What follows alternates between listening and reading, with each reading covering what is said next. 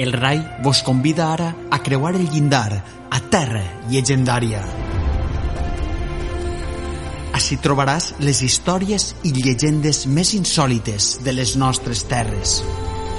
Soc Juan Fran Ferrandiz i seré el vostre guia. M'acompanyes? Endavant!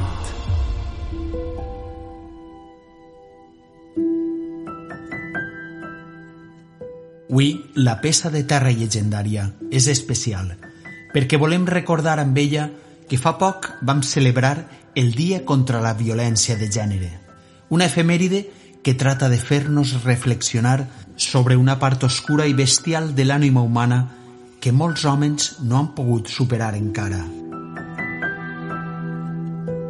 La història que anem a contar avui no és un relat popular, sinó un conte escrit al segle XIX per una dona que en aquell moment ja era conscient que la violència contra les dones naix de la por i l'egoisme de l'home que l'exerceix. Per primera vegada s'adapta al valencià aquest relat de la nostra admirada escriptora Emília Pardo Bazán. Escoltem-la amb la veu d'Estela Vicens i després tractarem d'interpretar-la. Així teniu el relat titulat El vampir.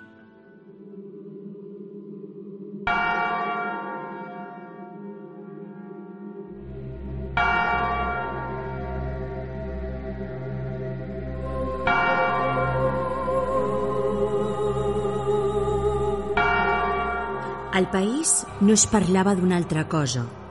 Era un miracle. No tots els dies un home ancià va a l'altar amb una xiqueta de 15 i al poble no va sentar gens bé la notícia.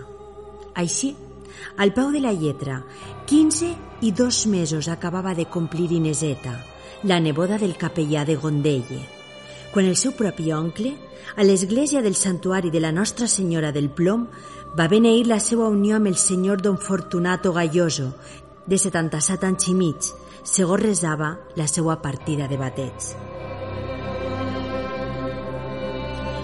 L'única exigència d'Ineseta havia sigut casar-se en el santuari, amb un vestit de seda blava i com el nuvi no podia pujar ni sostindre's a cavall, el portaren dos joves dins d'un cistellot de veremar, la qual cosa va fer riure a més d'un.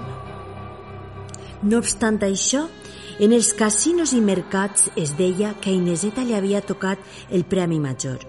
Ineseta era una xiqueta plena de vida, d'ulls brillants i queixos com a roses, però, com ella, hi havia moltes, des del riu Sil a Vierio. En canvi, con Don Fortunato no hi havia altre en tota la província. Era un d'eixos retornats d'Amèrica amb molts milers de duros, i uns quants secrets ocults a la maleta.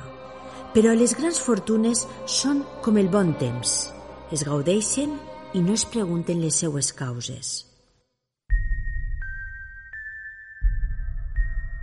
Don Fortunato només feia que comprar terres per tota la vall i per afincar-se al poble de Vilamorta havia adquirit un grup de tres cases a la plaça de la Constitució, derrocant-les i alçant sobre els solars un nou i sumptuós edifici. La gent al casino es burlava dient que a aquell vell sols li bastaven set pams de terra per a una tomba, però Don Fortunato, en compte de la mort, el que havia trobat era una esposa plena de salut que podia ser la seva besneta. Va dotar Ineseta esplèndidament i la va fer hereva universal, cosa que va indignar als parents de Don Fortunato. Es va parlar de tribunals i incapacitacions, però l'home, encara que esclafat i fet una pansa seca, conservava íntegres les seues facultats i discorria perfectament i se'n va sortir amb la seua.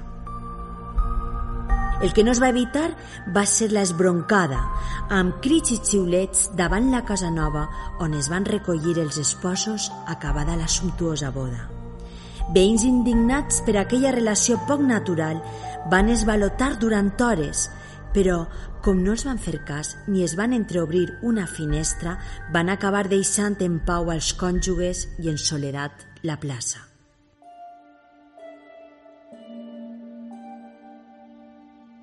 Mentrestant, allà dins de la vella mansió, abarrotada de rics mobles i comoditats, la núvia creia somiar. El temor que va sentir a l'altar del santuari ja s'havia dissipat davant els dolços i paternals raonaments de l'ancià marit, el qual només demanava a la tendra esposa una mica d'afecte i de calor, doncs la seva vida caminava cap a la fi. De fet, l'oncle d'Ineseta li va dir que més que un casament era un ofici piadós. Ella faria un paper d'infermera i de filla, i per molt poc de temps. La prova que continuaria sent xiqueta eren les dues nines enormes vestides de seda i encaixos que va trobar en el seu tocador, molt greus, assegudes en el confident de ras. Allí no es concebia, ni en somnis, que pogueren vindre altres criatures més que aquelles de fina porcellana. Assistir al vellet, Inés ho faria de molt bon grau. Dia i nit sobretot de nit, quan el vell necessitava un abric dolç i calor al seu costat, ella es comprometia a atendre-lo, a no abandonar-lo ni un minut. Pobre senyor, era tan simpàtic i tenia ja ficat el peu dret en la sepultura. A les nits, don Fortunato li pregava entre tremolors sentir el calor del cos juvenil al costat.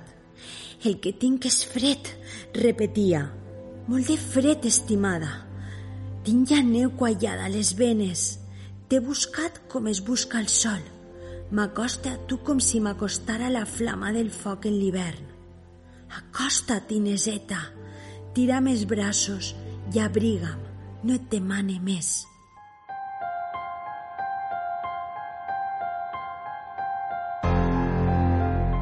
El que callava el vell era el secret que tenia ell i un especialista remeiera anglès a qui havia consultat. Eixe secret sinestre era el convenciment que, posada en contacte la seva ancianitat amb la fresca primavera d'Ineseta, es verificaria un misteriós trasbalsament. Les energies vitals de la xica en la flor de la seva robustesa es canviarien per la decrepitud i l'esgotament de don Fortunato, transmesos per la mescla i canvi dels alers, recollint l'ancià una aura viva, ardent i pura, i absorbint la doncella un baf sepulcral.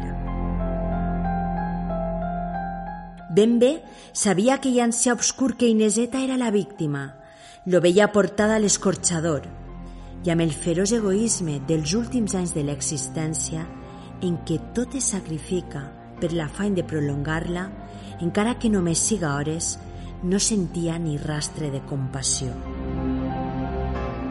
S'agarrava la jove Inés cada nit, absorbint la seva respiració sana. I si li hagueren dit que fent una incisió en el coll de la xiqueta i xuplant la sang de la mateixa vena es restauraria més encara la seva vitalitat, es veia capaç de fer-ho. A cas no havia comprat a bon preu aquella innocent? Perquè Inés era seua.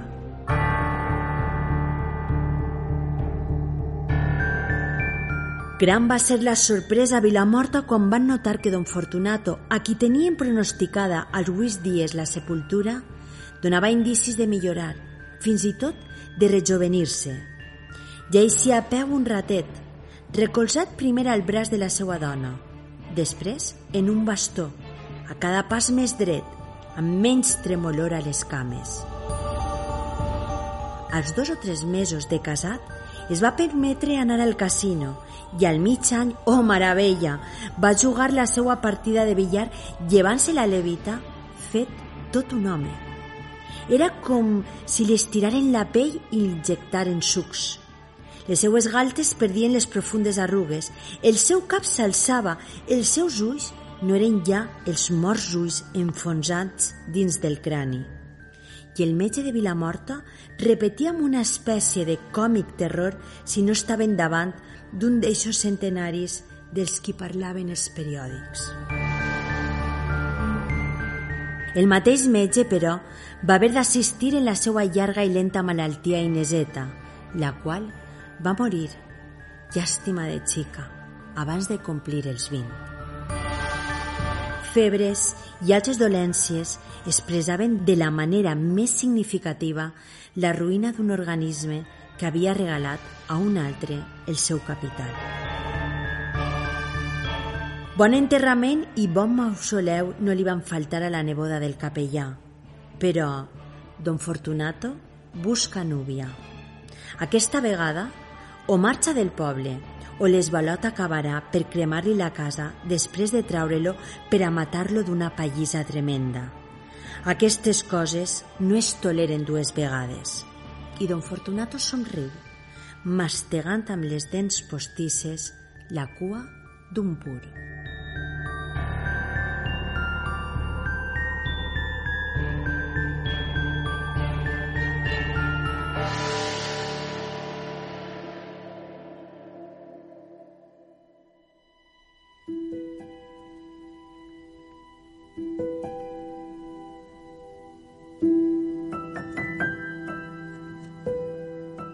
Escollir la personal interpretació que va fer Emilia Pardo Bazán del vampir per a referir-nos a la violència de gènere s'explica perquè precisament aquest tipus de violència és la més fosca i sinistra, perquè es barreja també amb seducció, dependència i fins i tot amb l'amor de la víctima, igual que passa en les històries de vampirs. L'agressor masclista no sols colpeja o insulta, sinó que s'alimenta de l'energia, de la força vital de la dona. Es veu la seva alegria, les ganes de viure, fins deixar una closca buida, tal i com fa Don Fortunato amb la pobra Ineseta. El vampir literari és una alegoria que ens parla d'hòmens que amaguen depredadors, criatures inferiors dominades per pors complexos i ànsies, com aquell ancià obsessionat per viure més i més. I el més terrorífic és eixa falsa debilitat de l'agressor que se li convé van ajuda, que pot simular penediment si cal, però que no són més que mentides i baf sepulcral, com diu Emília al seu relat. Però la història no sempre ha d'acabar com el relat de l'escriptora. Ineseta tenia a tot el poble de Vilamort al seu costat i si haguera demanat ajuda, aquell vampir mai no haguera acabat amb la seva vida. I les víctimes actuals també tenen a tot el poble al seu costat. Sols han de cridar, d'obrir la finestra de sa casa o marcar el 016 perquè no hi ha altre camí. L'agressor no canviarà, no pot canviar com no pot canviar el seu estat, un no mort, un vampir a la literatura.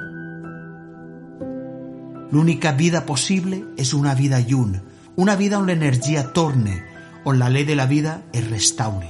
Eixe podia haver segut el final d'Ineseta i ha de ser el final de totes les històries de les víctimes de la violència masclista que un dia fugiran lluny per a sempre del vampir.